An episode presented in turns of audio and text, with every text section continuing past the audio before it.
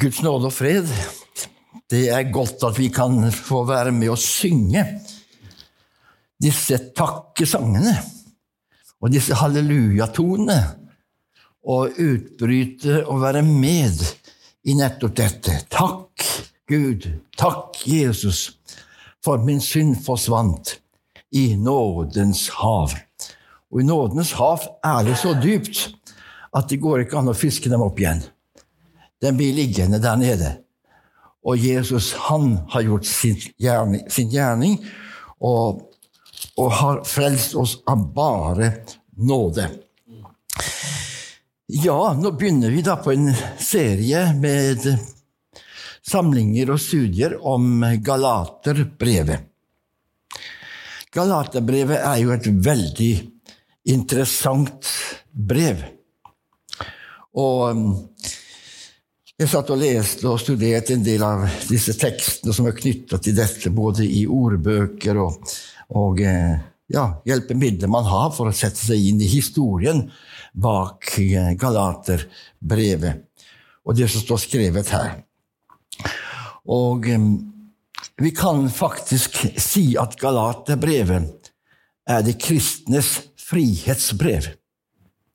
Eh, for gjennom det som Paulus underviste galaterne om, så er det ikke noe annet evangelium som kan bringe det. og gi menneskene full frihet enn nettopp ordet, evangeliet om Jesus Kristus. Min synd forsvant i nådens hav. Halleluja. På Golgata. Når han ropte ut 'Det er fullbrakt', da var det fullbrakt. Det var nok. En sang som vi synger om, det var nok det som Jesus gjorde. Det er nok det som han har sagt. Altså, det er nok. Det holder. Og det er nettopp dette da vi skal gå igjennom i disse møtene fremover. Og jeg har da fått utdelt det første brevet eller kapittelet fra Galaterbrevet, og, eh, og samtale med dere litt om det, og bringe det videre. Eh, om de tanker som vi kan knytte til det. Så før vi leser det, så hadde jeg lyst til å eh, bare sitere et bibelvers fra 2. Timoteus, kapittel 3 og vers 16. 2. Timoteus 3, 16. Der sier Paulus det på denne måten, altså i Timoteus-brevet, at den hele Skrift er inspirert av Gud. Først sa vi innblest, men inspirert av Gud. Altså, Gud står bak i det som står skrevet i denne boka her. Og jeg er så tradisjonell at jeg tror på Bibelens inspirasjon. Jeg kan ikke eh, dele mine tanker med eh, disse som sier at deler er kanskje inspirert av Gud, resten er menneskeverk. Men jeg tror det som står skrevet her, at den er inspirert av Gud. Og den rikdommen som vi finner i Bibelen, finner vi ikke noe andre bøker eller litteratur. Så det er frihetsbrevet, og et av Paulus' hovedbrev, som han gjentar faktisk i, i nesten i, alle, i, alle, andre brevene som han skriver. Han henviser til nettopp friheten i Jesus Kristus. Nåden gjennom Jesus Kristi forsoning. Jesu Kristi blod som løser oss og tilgir oss og renser oss ifra all synd. Det er noe av dette som går igjen i brevene som Paulus videre skriver. og Derfor blir det kalt da for eh, de kristnes frihetsbrev. Men også tar jeg med i, i, eh, i historien at dette brevet skulle få en spesiell stor betydning på 1500-tallet. Eh, da reformasjonen kom, og Luther som en brannfakkel turte å stå imot den katolske kirkens lære. både om skjærsilden, at man blir rettferdiggjort av gode gjerninger, og at eh, det var avlatshandel og Det var så mange, mange ting som den katolske kirke hadde tatt med seg.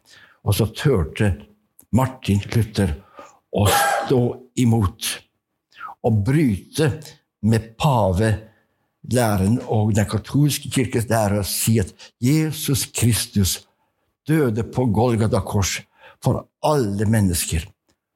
Og alle dem som tok imot ham, gav han rett til å bli Guds barn. Av bare nåde. Det holder. Halleluja. Så er vi samla her i dag, denne flotte søndagen. Noen løper det de kan løpe på veien oppover langs asfaltveien langs elva her, og har det sikkert veldig kjekt og moro der. Så får vi glede oss over den teksten som vi har i dag, og kan ta den med oss og eh, videre. Disse, dette brevet har jeg også kalt for et kampskrift. Eh, det er altså Paulus som ble veldig bekymra for menigheten i Galatia da han fikk høre hva som foregikk der. Han fikk meldinger fra troende brødre og fra menigheten eh, at det var kommet nye forkynnere, talere, predikanter, eh, til Galatia. Og disse forkynte at det var ikke nok med evangeliet som de hadde hørt fra Paulus' munn. Men disse fremmede lærte jo da, som kom til menigheten i Galatia, at hedninger som skulle bli frelst, de måtte også omskjæres og holde Moseloven. Og dette ble for Paulus at det går ikke an. Her kommer en vranglære inn. Og eh, nå visste jo også Paulus, ifølge det han hadde fått sikkert av, brever fra Galatia, at eh, disse fremmede eh, lærerne som hadde kommet inn, og denne læren som hadde kommet inn, altså eh, var i ferd med å lede menneskene bort ifra nåden i Jesus Kristus. Altså, det var ikke nok det som Jesus gjorde. De måtte ha med seg også gjerninger som loven hadde påbudt dem. Og ikke nok med det, men eh, det var også omskjærelse. At hedningene måtte bli omskjært eh, før de kunne bli godtatt som verdige kristne. Eh, så apostelen tar et oppgjør med det vi kaller for judaister. Det var disse som da kom med, eh, med denne læren inn. Og eh, forsøkte å føre da galaterne tilbake til det sunne Gudsordet de var blitt undervist i. Judaistene de hadde jo ikke det navnet, men det er et navn som kom senere inn. Eh, for det betyr altså jøder som hadde tatt imot evangeliet, men fortsatte å holde deler av loven, bl.a. dette med eh, omskjæring. Så Derfor blir det kalt for judaistene, at de måtte, at de kristne eh, måtte også holde den delen av eh, læren den, som judaistene da presenterte. Og da kommer vi da til, til selve tekstordet som jeg har lyst til å lese med dere. Skal ikke lese hele Galaterbrevet. Første kapittel skal jeg ikke lese, men jeg skal lese det eh, utsnittet her fra eh, Galaterne 1, vers 6 og vers 8. Eh, der står det slik jeg undrer meg over at dere så snart vender dere bort fra ham som kalte dere ved Kristi nåde, til et annet evangelium. Skjønt det ikke fins noe annet. Det er bare noen som forvirrer dere til og vil forvrenge Kristi evangelium. Men selv om vi eller en engel fra himmelen skulle forkynne dere et annet evangelium enn det vi har forkynt dere, han være forbannet. Vi stopper der, i vers 8. Et annet evangelium. Det var ikke det de hadde blitt opplært i og fått, men nå kom det et annet evangelium inn, som da vi skal lese en del om her i dette, i dette avsnittet, også i, og tenke på i dag formiddag. Jeg tror dette annet evangelium eh, det var en annen ånd som fulgte dette. Det var en annen ånd, en annen Jesus, et annet evangelium. Jo, hva var det? Jo, det var gjerningenes lovforkynnelse. Altså, du må gjøre det og det for å bli godtatt. Evangeliet og forkynnelsen av evangeliet, det var ikke nok. Du må selv være med og gjøre forskjellige ting. Og dette tar, Paulus tak i, da. Og der Paulus taler, er enten eller. Forkynner judaistene det andre budskapet, som er både og. Enten er man en kristen, eller så er man ikke kristen. Men han bygger sin lære og undervisning på det Guds ordet. Han kjente jo loven, han kjente jo Bibelen, ikke, ikke da i den formen vi har i dag, men ordet som var skrevet, den historiske delen. Og Derfor satt han inne med en utrolig kunnskap nettopp om, om det han skulle tale. Så Paulus det ble ikke noen, noe enten-eller for judaistene, som de holdt frem, men det ble enten-eller for Jesus. Enten tar vi imot, eller så vender vi budskapet for Kristus Jesus ryggen. Og eh, for judaistene ble det et både-og. Du må ha det ene, men du også må ha det andre. Det var dette Paulus advarte imot, og som hadde allerede fått innpass der hos galaterne. Og det var dette han kaller for et annet evangelium. Vi som er her i dag, vi sitter inne med en eh, erfaring og en tradisjon som er helt annen. For vi har vokst opp under eh, helt andre forhold. Vi har hørt en helt annen type forkynnelse. Men det var på den tiden da menighetene var nye. De hadde ikke så stor erfaring. Det var i slutten av uh, år 40, nærmere år 50, da Paulus skrev dette brevet til galaterne. 50 år etter Kristus Jesus. Dermed hadde ikke de den tradisjonen, hadde ikke de den samme ryggrad, hadde ikke de den samme erfaring og kunnskap i Guds ord. Men da kom de, disse jødekristne, og sa det var ikke nok, det Paulus hadde forkynt. De måtte ha med seg lovgjerningene og omskjærelsen.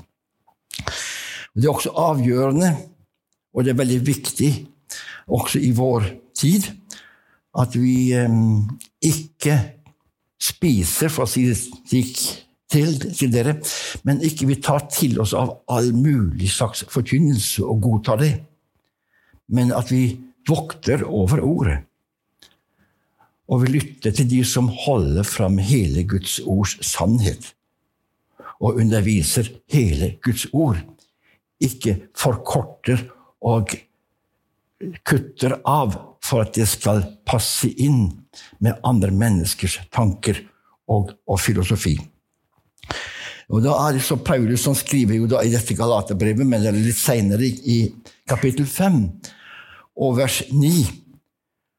Og da står det slik En liten surdeig syrer hele deigen. Altså, hvor viktig det er å rydde opp. Hva tror vi på? Hva forkynner vi? Hva har vi erfart? Hva har Jesus gjort for oss? Er evangeliet for bare utvalgt gruppe mennesker, eller er det for alle mennesker?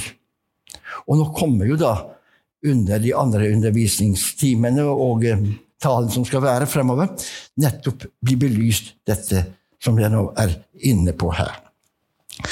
Men det som kjennetegner et annet evangelium, hva er nå det? Jo, det er tillegg til Kristus. Jesus alene er ikke nok for min evige frelse. Det må være noe tillegg.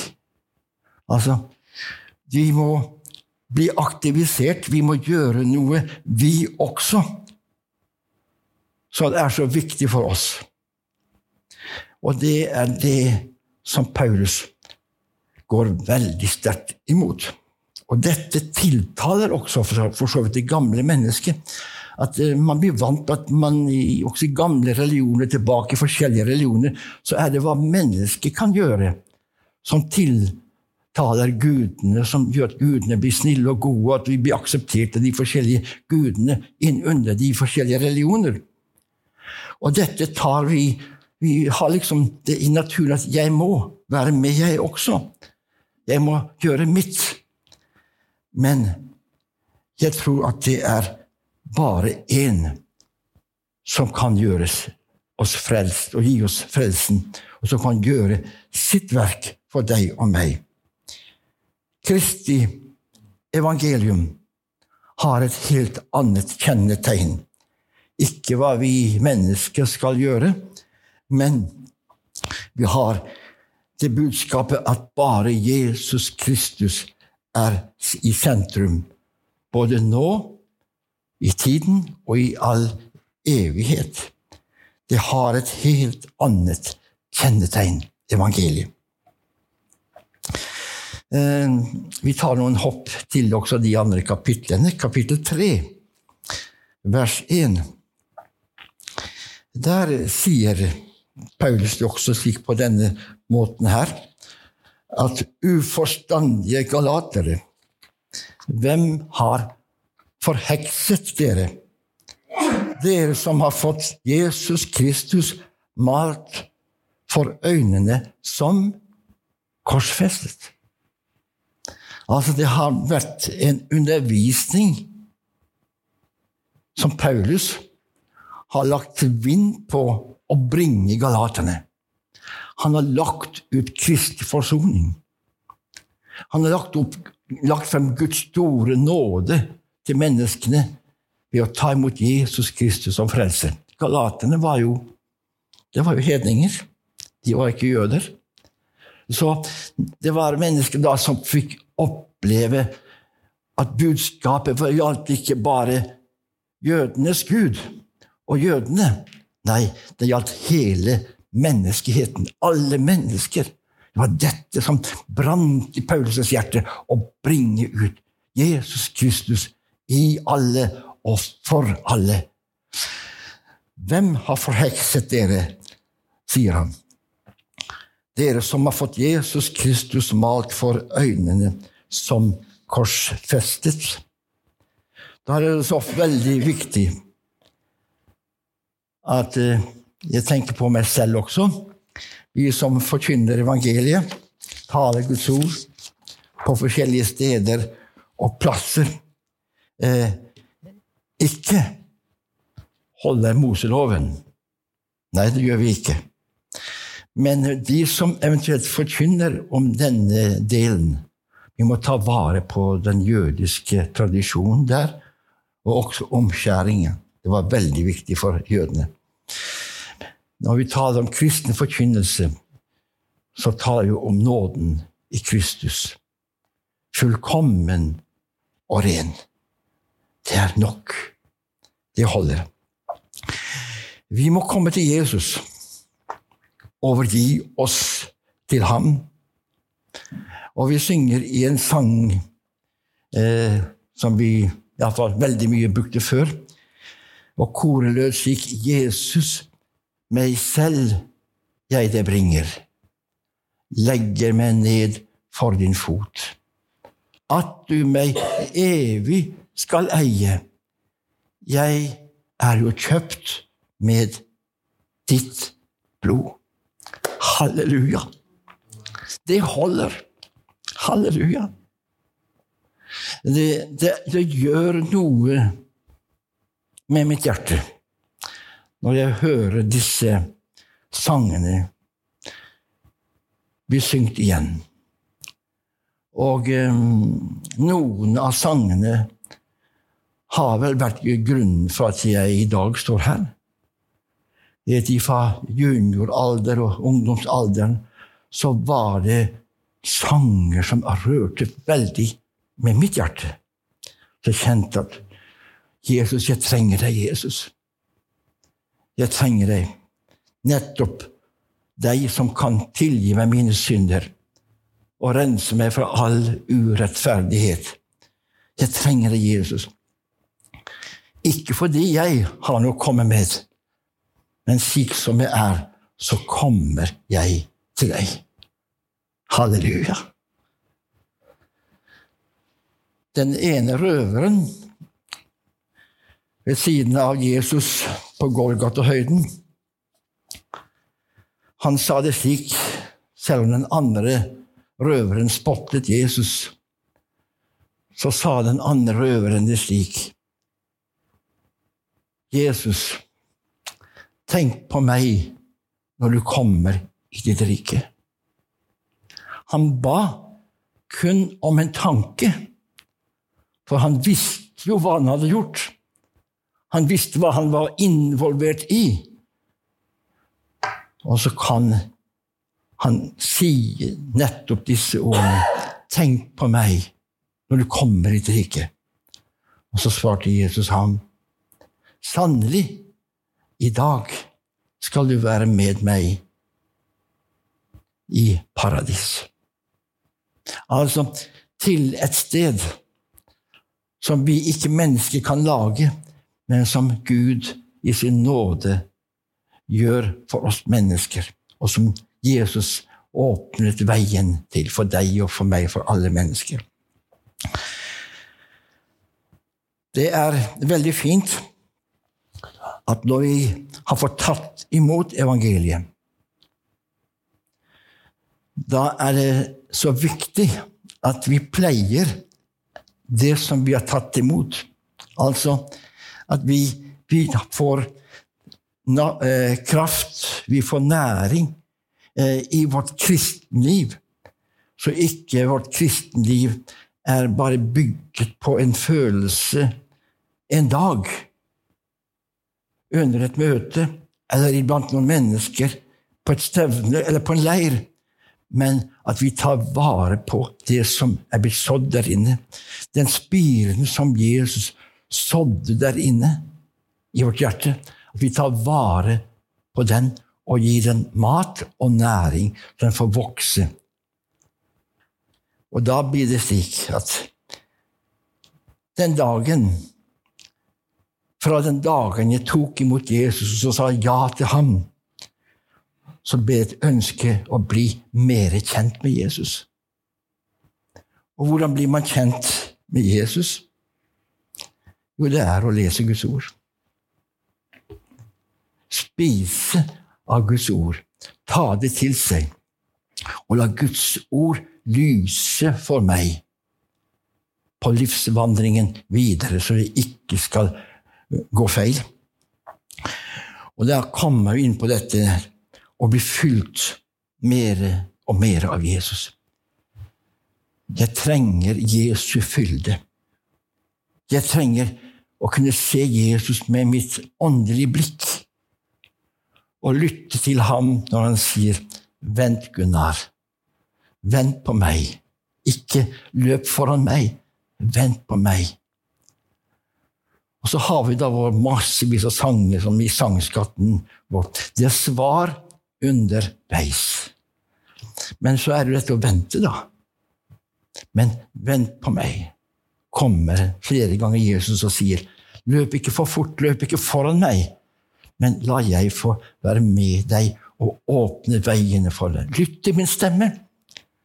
Lytt til min tale.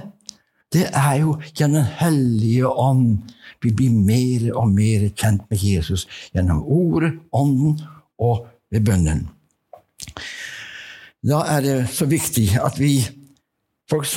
I, i dag hadde nattverden. For når vi har nattverden, så tar vi imot den undervisningen vi har fått av Jesus selv. Han tok brødet, takket brød til og sa, 'Dette er mitt legeme, som er gitt for, for dere.' Så ofte som vi spiser av brødet, da forkynner vi Jesu død. På samme måte når vi drikker av kalken vin, så er det denne kalk er den nye pakt i mitt blod. Altså, dette er det, dette er det ene, og dette er det andre. Altså, vi opplever et, et, et sammendrag av Jesu nåde og kraft når vi er med i brødsbrytelsen i nattverden. Takk for at du døde på Golgata for meg. Og så sier vi takk for at du tok mine synder på deg, Jesus. Takk for at du frelste meg, og at det er ditt blod som renser også ifra all synd. I Johannes evangelium, eh, kapittel 6, vers 66 til og med vers 68 Der står det slik Mange av Jesus sine disipler trakk seg da tilbake. De gikk ikke lenger omkring med ham. Og Jesus sa da til de tolv, vil også dere gå bort? Simon Peter svarte ham og sa, Herre, hvem skal vi gå til? Du har det evige livsord. Hvem skal er, er, erstatte deg, Jesus? Det er du som har gitt oss de ordene som ble liv i vårt hjerte, som gjorde at vi fulgte deg den dagen du kalte på oss og kalte på meg. Følg meg! Følg meg! Og så forlot de i våre forskjellige arbeidsoppgaver og tjenester som vi hadde og jobba med. Disse disiplene fra forskjellige bakgrunn, og så fulgte de Jesus. På samme måte har vi evangeliet som taler til våre hjerter. Og Jesus sier, 'Følg meg, og du skal få være det jeg vil du skal få være.' Og så utruster Den hellige ånd med oss til, oss til gaver, med gaver og tjenester i Guds rike.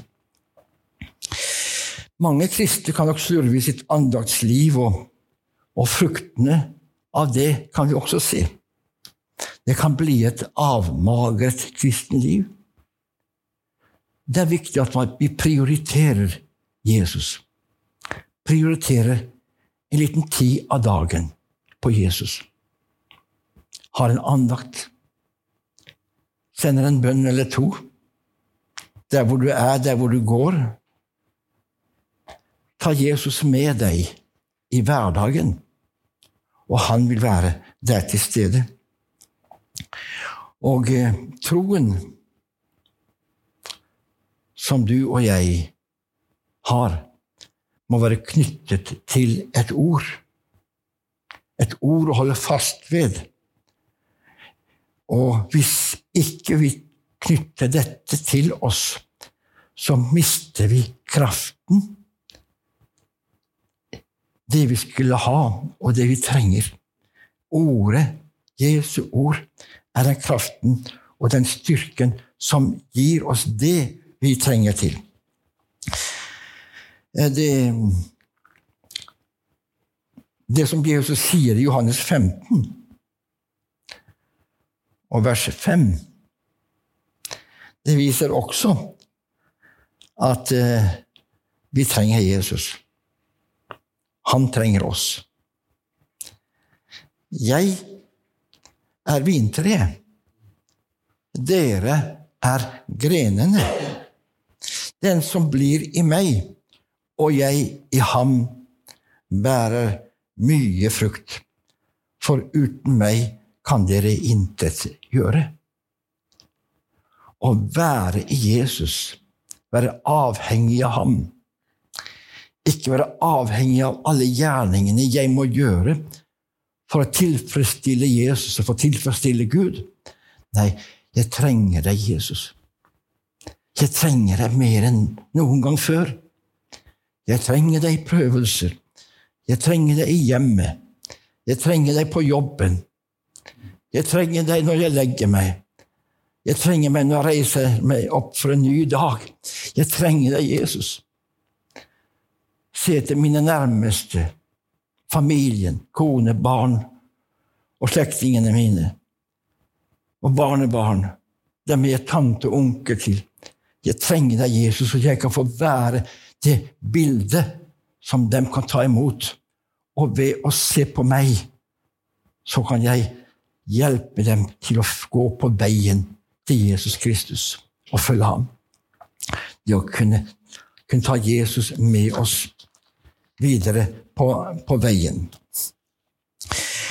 Den kjente misjonæren Hudson Taylor, Kina-misjonær, han eh, hadde bare med seg en eske med fyrstikker og et stearinlys.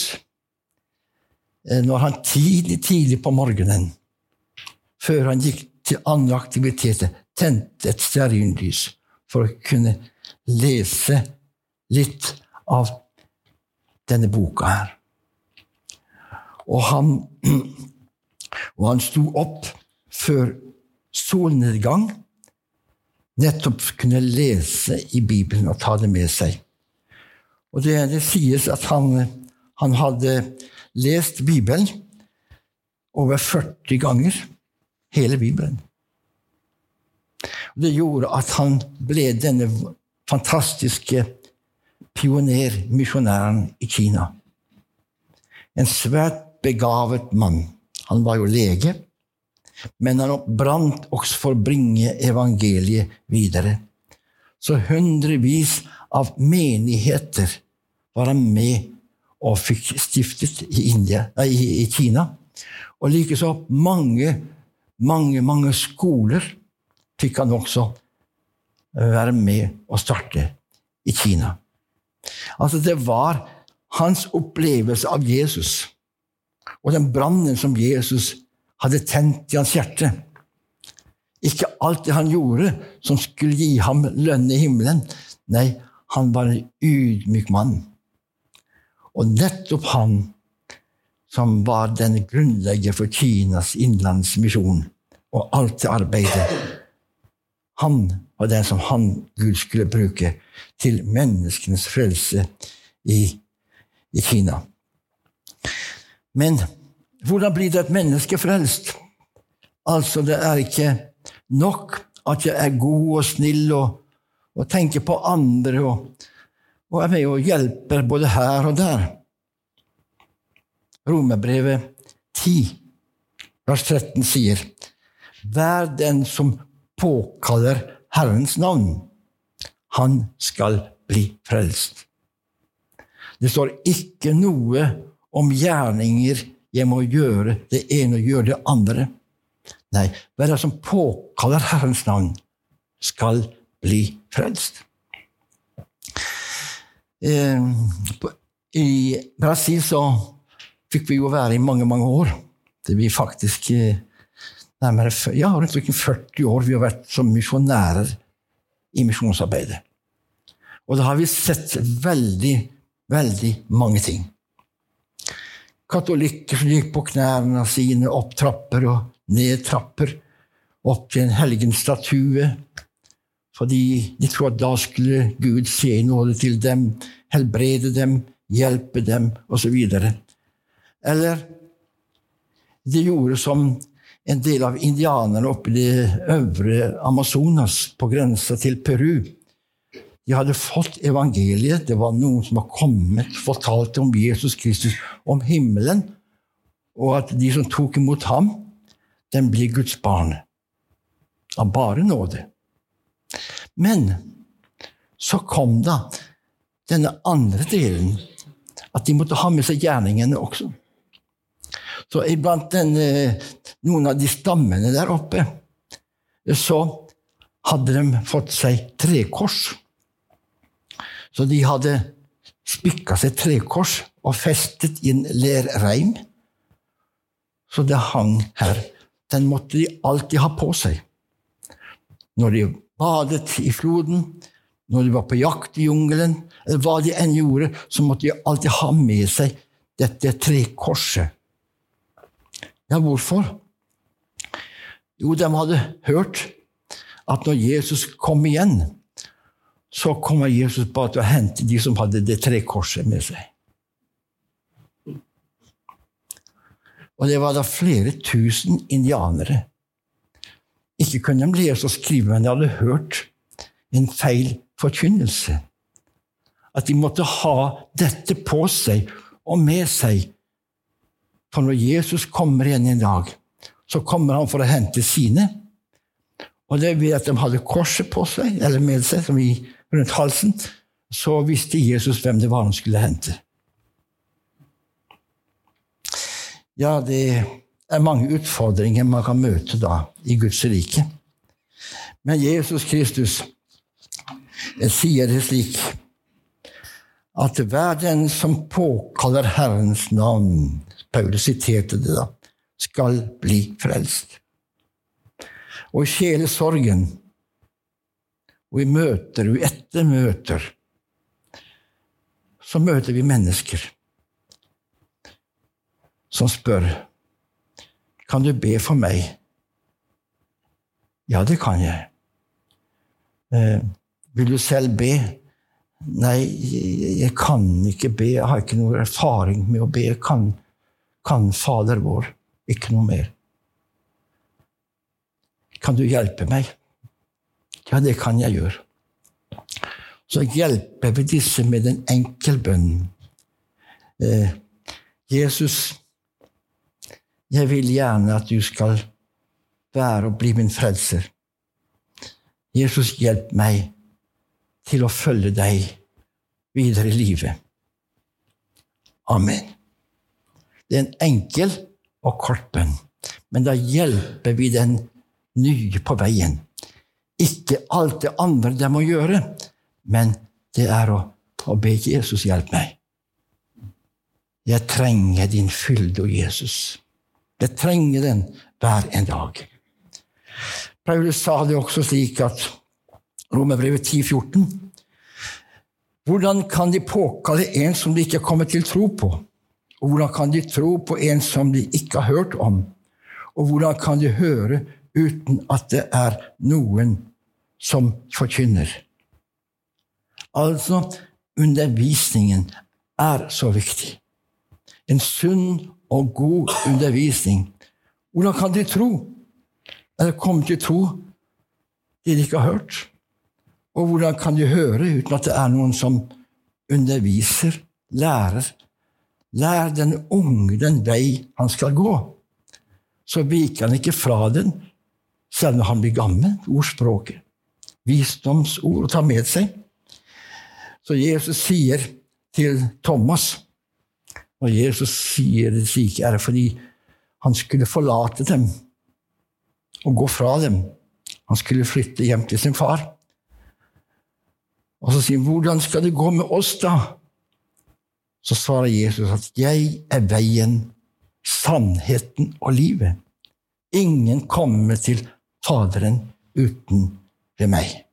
Altså, veien er Jesus Kristus. Derfor er det var frelsesverket blitt malt uh, for galaternes øyne. Og det er blitt malt for dine og mine øyne.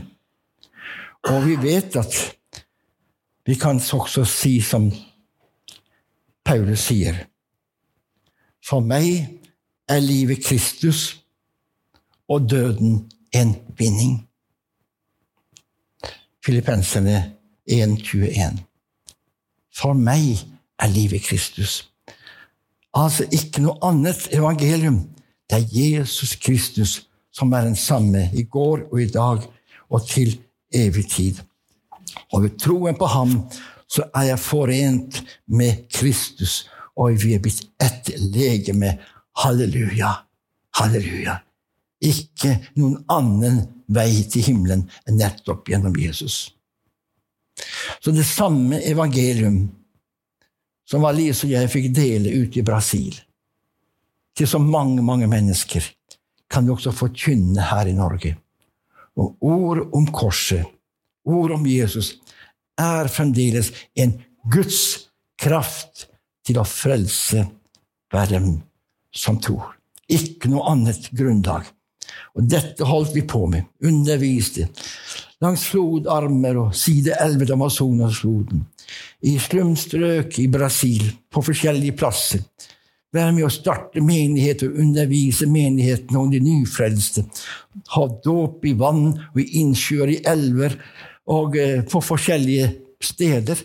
Opplevde Gud, han var den samme. Og det er jo det som Jesus sier. Når vi opplevde det vanskelig og tungt, og hva skal vi nå gjøre? Så tenkte jeg gang etter gang på de ordene som, som står. Se, jeg er med dere alle dager inntil verdens ende. Og Han som begynte denne gode gjerning i deg og i meg, halleluja, ikke ved dine gjerninger, ved Hans gjerninger, halleluja, han skal være med deg helt til vi når fram til målet. Halleluja. Takk, Jesus. Du er så viktig, så viktig at vi lar deg slippe inn i våre liv. At ikke noen annen forkynnelse får røve kampprisen gjennom troen på deg, og være en trofast kristen helt til vi når fram til målet. Takk, Jesus, for at du er mitt alt. Du er det viktigste. Hjelp meg å ta vare på denne skatten som jeg har fått i mitt liv. Og av bare nåde så kan jeg stå her i dag og si det, Jesus. Hit inntil har Herren hjulpet så vel inntil i dag. Så bevar oss, Jesus, under din nåde. Gi oss visdom og kraft til å vandre på veien til vi en dag skal få se deg som du er. Amen.